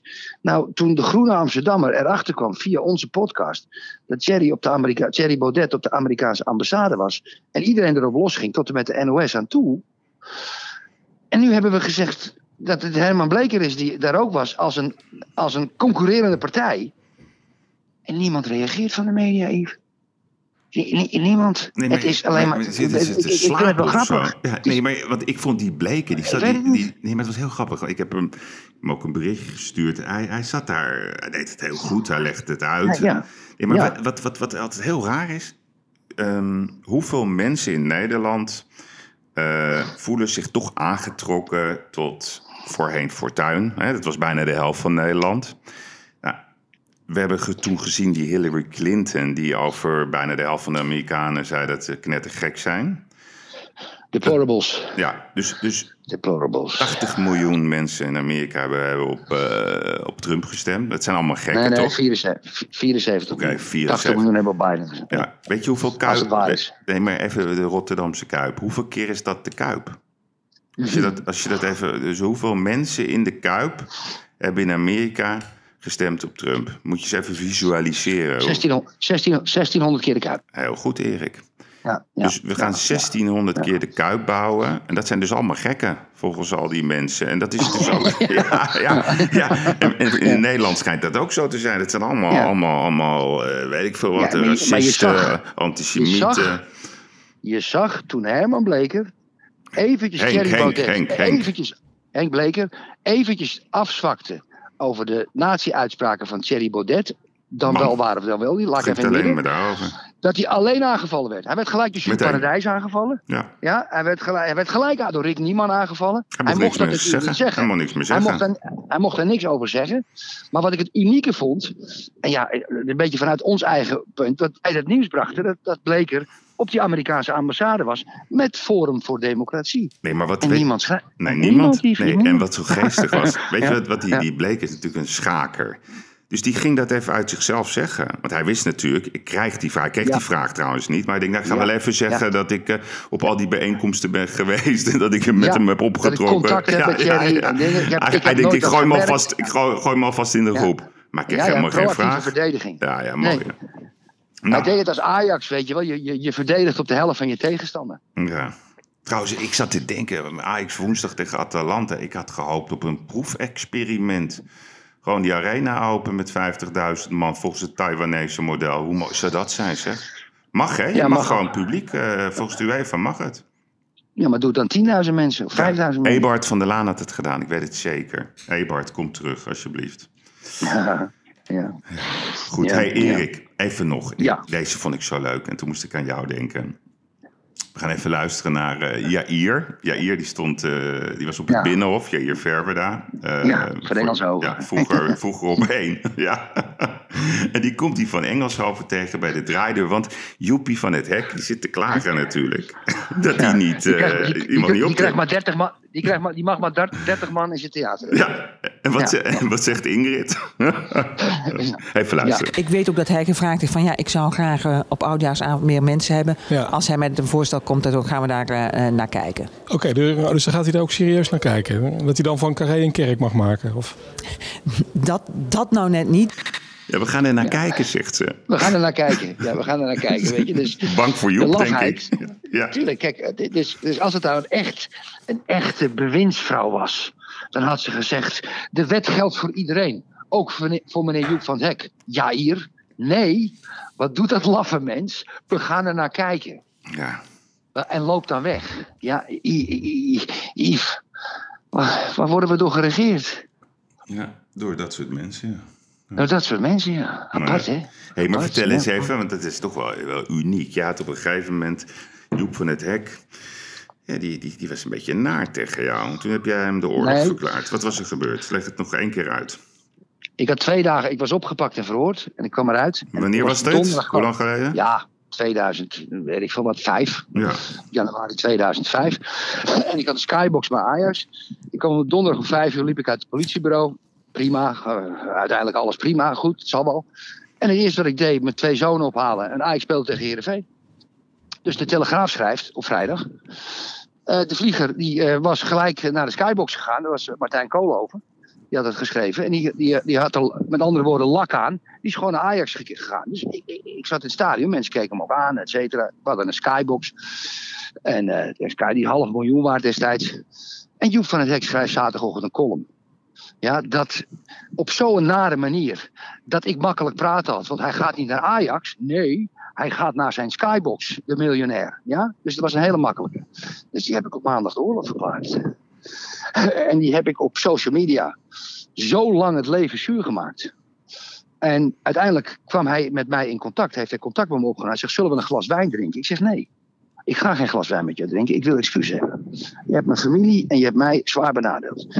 En toen heeft hij op de zaterdag, niet de zaterdag daarna, maar een paar weken later, heeft hij de legendarische column geschreven. En die was legendarisch, omdat Jeroen Pauw in een interview met Joep van Dek heeft gezegd. Ja, die vijf Ja, jaar later. Die vijf jaar later. Vijf, vijf jaar later, je hebt één keer in je leven je excuus aangeboden. Dat is aan Erik de Vlieger. Ik zeg ja, want die man had gelijk.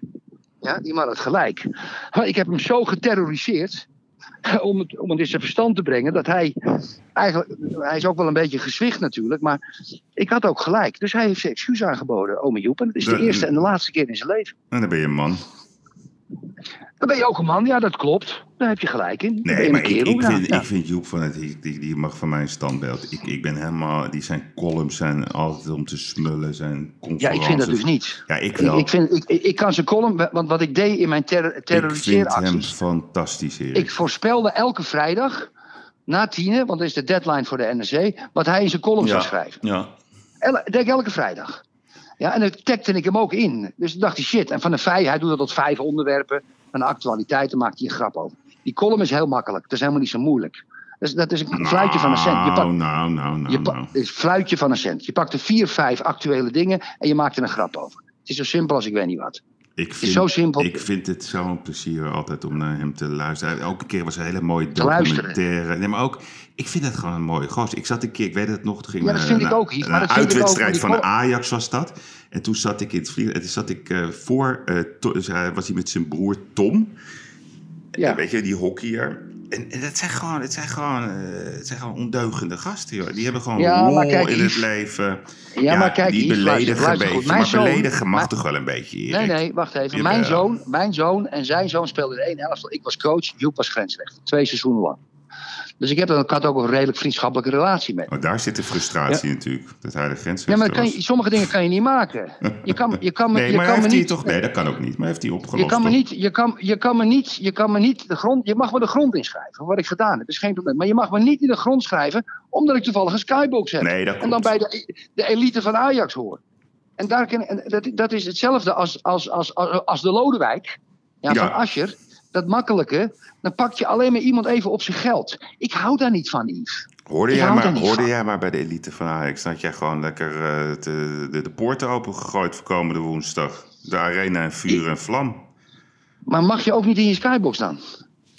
Nee, dat, dat Nee, zal niet, hè? ook weer niet mogen. Ik mis dat, Nee. jongen. Dat, dat stadion. Als je nou zegt wat ik echt Wij mis. hebben- ik wij- mis wij dat. hebben Ik mis dat. wij- Ik heb op een gegeven moment, voordat ik dat gezeik kreeg, had ik natuurlijk allemaal zakenlaties en banken en pakken en driedeligen, weet ik wat. Maar daarna had ik een scheid aan.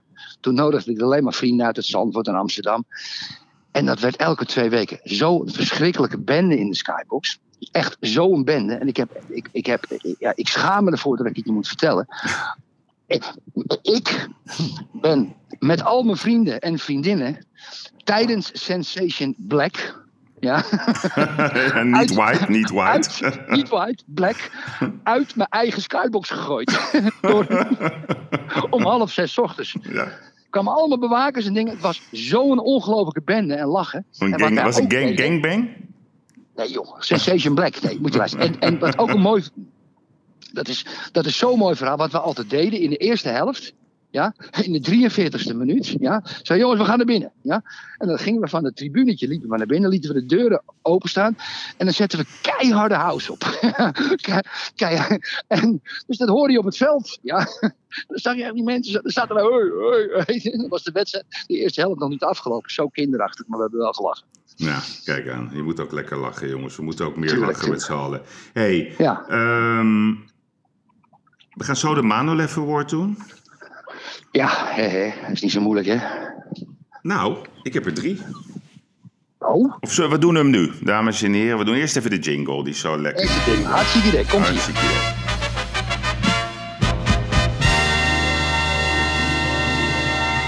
Ja, wie heb jij dan? Lodewijk natuurlijk. Ja, Lo- Lodewijk. Maar ik had ook, Ja. ik had ook eigenlijk... De, Jort Kelder. Nou, niet Jort. Want ik, ik vind Jort... Ja, weet je, ik had hem een appie gestuurd, joh. Ik zeg, eh, na de uitzending, eh, ja, best wel schokkend, hè, dat je niks mag zeggen. Nou, toen zei hij, ik ben de Oh, enige. ja? ja, dat vind ik ook. Heeft, hij geantwoord? Nee, ja, ja, wel. Ja, hij is zo Oh. Weet je, ik heb hem echt, echt hoog zitten. Het is, maar niemand in Nederland laat zijn mond snoeren. Ik bedoel, als, je- als je nou het, het prototype hebt van een man... die werkelijk waar altijd alles zegt... en voor niks en voor niemand bang is...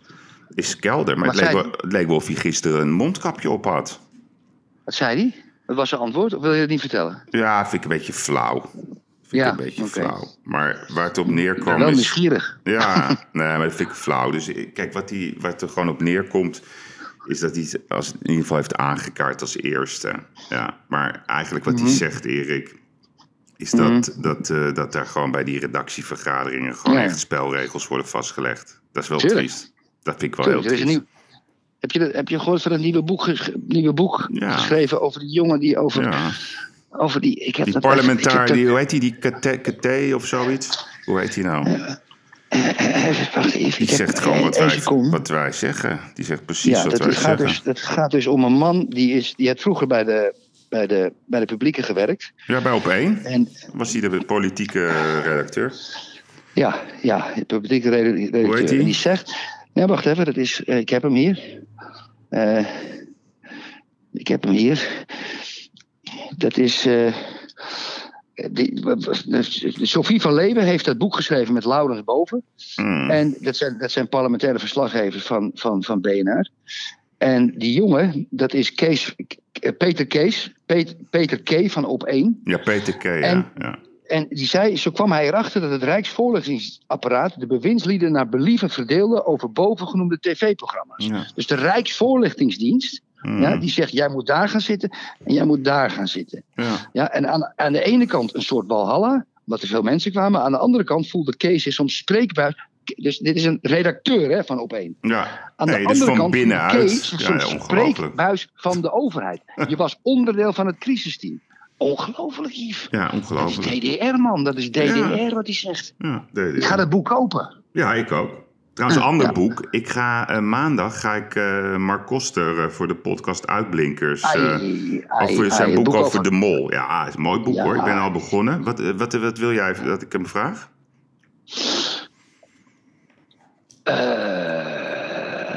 Dat weet ik niet. Daar moet ik over nadenken. Oké, Dan- dan, dan moet je me maar even appen. Dan ga ik dat maandag eh, Ja, bespreken. hij heeft ook veel verteld. Hij was op televisie, dat heb ik gezien. Waar Ja, maar dan werd hij sowieso aangepakt over, over, die, over die affaire Mm. met die zoon, eh, met de relatie. Maar je moet dat boek, een mooi boek hoor, echt goed hoor, goed geschreven, heel spannend. Ja, en, en de Mol is gewoon een unieke man. Alleen, ja, dat weet je ook, ja, eh, het is allemaal heel ruig die handel. Ja, dan moet je ook even af en toe ruig zijn, is toch niet erg. Maar goed, even de, Ja. de, de, de Manolev. Ehm, ik ga Ja. met je mee. Ik denk toch, eh, Oké. we, we geven hem aan Lodewijk Asscher. Lodewijk, Ja, Lodewijk, gefeliciteerd. Gefeliciteerd. Ik ga het zo direct op Twitter zetten. ja. Of net voor de uitzending. Dat is ook Hey, heb je nog iets? Zijn we nog iets vergeten? Nou, nee, ik heb... Je wou over Rusland, prachtig- Rusland waar je het nog hebben? Nou ja, kijk, wat ik eventjes aan de luisteraar wil vertellen. Kijk, ik ben... normaal krijg je al die scheldpartijen van, van de Sjoerd Sjoerdsma van D66 en die mensen allemaal over Poetin. Hè? Ja. En, eh, en, en, en, en wat we over Poetin eigenlijk alleen maar gehoord hebben, is één, hoe die gaat, zijn mensen in Rusland gaat vaccineren, een beetje op de internationale media.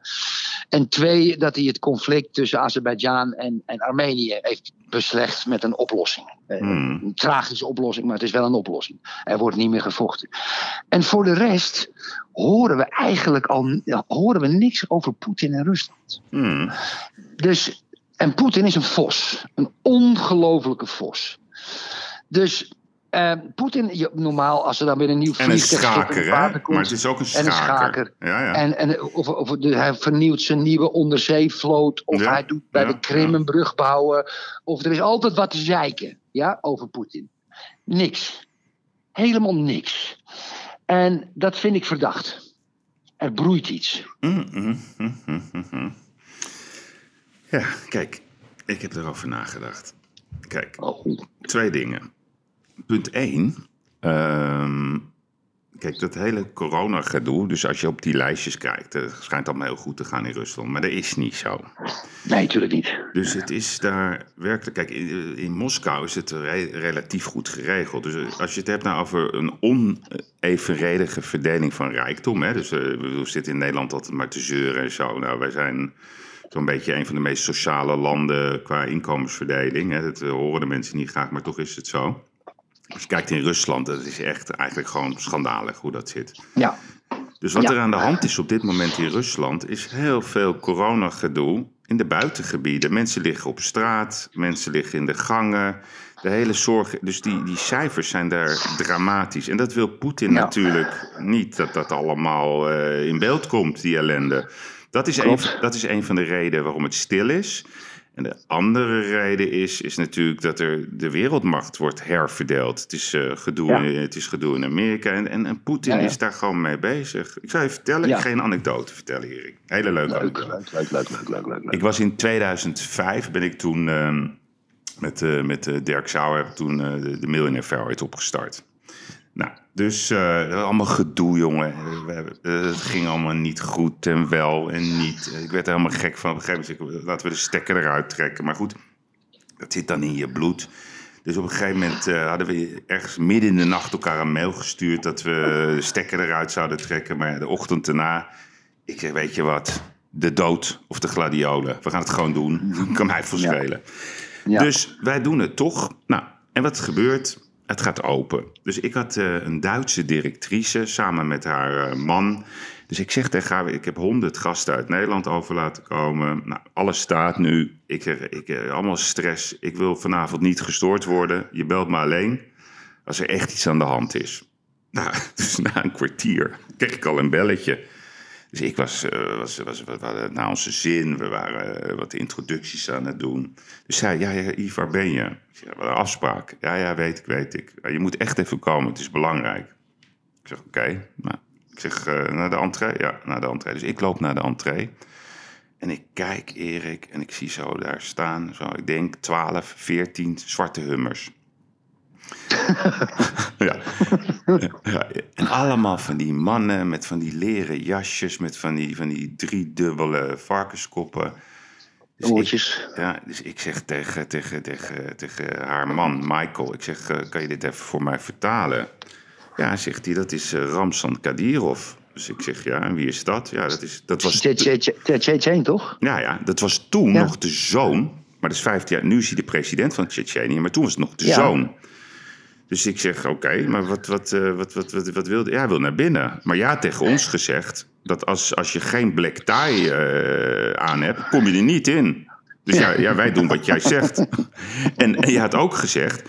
als je geen kaartje hebt vooraf, mag je er ook niet in. En ze hebben ook geen kaartje. Ja, ik zeg, maar kan je, kan je even uitleggen dan aan mij eh, wat, eh, hoe dit werkt? Nou, hij zegt, ja, Ramson die heeft een wijk in Moskou. Erik, een wijk in Moskou. Dus bijvoorbeeld, Ja, ja. de vlieger Ja, is eigenaar van Amsterdam-Zuid. Zoiets. Ik zeg, en wat de moet die... Tsjetsjeense wijk in Moskou, die heb je. Ja, dat klopt. en ik zeg, en hoe werkt dat? Nou ja, dus hij heeft die wijk, mag hij doen en laten wat hij wil. En als tegenprestatie lost hij de problemen op voor eh, Poetin. Toen dacht ik, oké, welkom in de holdingstructuur van Rusland. Dus toen zeg ik tegen, dus, dus ik zeg tegen Michael, ik zeg, ik weet niet of het heel verstandig is dat deze jongen uit, eh, uit Amsterdam, Buitenveld, het tegen, tegen die meneer moet gaan zeggen dat hij er niet in mag. Nee. Nee, dus hij zegt, nee, dat lijkt me niet. Ik zeg, nou oké, haal, hem- haal hem maar naar binnen. Dus hij komt zo naar me toe gelopen, maar echt zo'n potig figuur. Ja. Half- Die rode, ja, is een beetje rossig. Ja, ja rossig. hij. Ja, echt zo'n Ja, bo- ja, boksertje. ja.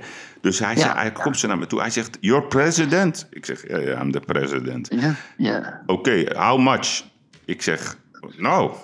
Ik zeg, you're my guest. No, no, no, no, no, zegt hij. How much? Dus hij, eh, met die koffers, jongen. Met, dus ik, ik, als ik had gezegd, ik wil een ton of twee ton, had ik gewoon gekregen. Ja. Maar ik denk, nou, ik Ja, ik, ja. voor geen miljoen, hè, denk ik. Ik ga niks Nee, aan hebben. nee, ik nee, zeg, nee. Dus ik zeg tegen hem, listen, you are my, you are my guest... Or you leave the building now. Precies zo. Eh, vond hij dus helemaal geweldig. Dus hij, pa- hij pakt zo met zijn rechterarm, zo gaat hij om mijn schouder, zegt hij tegen mij: If you have any problems, you call me. dus ik zeg, ik zeg, I don't have problems. Hij zegt, in Moskou, everybody has problems. Nou, en dus hij gaat naar binnen, hij heeft het naar zijn zin. Maar toen begreep ik de structuur van Rusland. Dus het is gewoon een holding. Poetin heeft het, de buit Ja. verdeeld onder allerlei oligarchen, onder allerlei specialisten. En Je hebt toch een fout gemaakt hier. Wat zeg Je toch een fout gemaakt. Ja, ik heb Je een fout, toch een fout gemaakt. Ik weet het. Ik had het moeten pakken. Je had, nee, nee, Je, had zijn 0, je, had, je had zijn mobiele telefoonnummer moeten Jij vragen. zegt tegen mij dat ik dat niet heb. Wie zegt dat ik dat niet heb? Ik heb nooit, Ja, nooit een beroep gedaan. Dat ga ik ook niet doen. Oké. Maar goed, dus dat is het verhaaltje van Mooi verhaal. Vond ik wel leuk om even Mooi te delen. Ja. hey, ik eh, zeg tegen jou, eh, ga, je, ga, ga, ga je nog wat leuks doen? Ja, ik Sinterklaas? Hey. Sinterklaas? Ja, nee, dat doe ik allemaal niet aan mee. Oh, ik, ik zit hier. Ik wil wel naar Nederland toe. Ik mis mijn kleinkinderen. Oké, goed. ja, ik mis jou ook. En- Dus eh, Ja, ja, ik kom ook gelijk bij je gelijk als ik in Nederland even ben. Ik wil met, het, met de corona, ik ben er toch een beetje bang voor. ja, Eh, ik ga aan het werk. Volgende week praten we weer. Lieve vriend, het was weer een fijn gesprek. dankjewel man. Oké, fijne dag Hartstikke hè. idee. Hartstikke Gozer. idee. Bye Ja, bye, ja, ja, bye ja. bye. Hoi. Bye. Ja, lieve luisteraars, dank voor het luisteren. Dit was de Gigs van deze week. Maandag ben ik er weer. Met een eh, interview met de auteur van het boek van John de Mol, Mark Koster, over de familie, inside information. Ik heb heel veel vragen voor Mark, dus ik zou zeggen, luister ook maandag eens naar een eh, aflevering van de Uitblinkers. En eh, maandag is Mark Koster mijn uitblinker.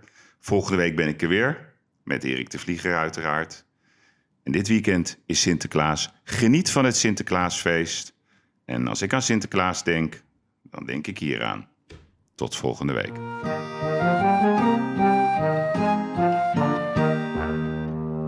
Sigins komt de stoomboot uit Spanje weer aan. Hij brengt ons in Nicolaas, ik zie hem al staan. Hoe huppelt zijn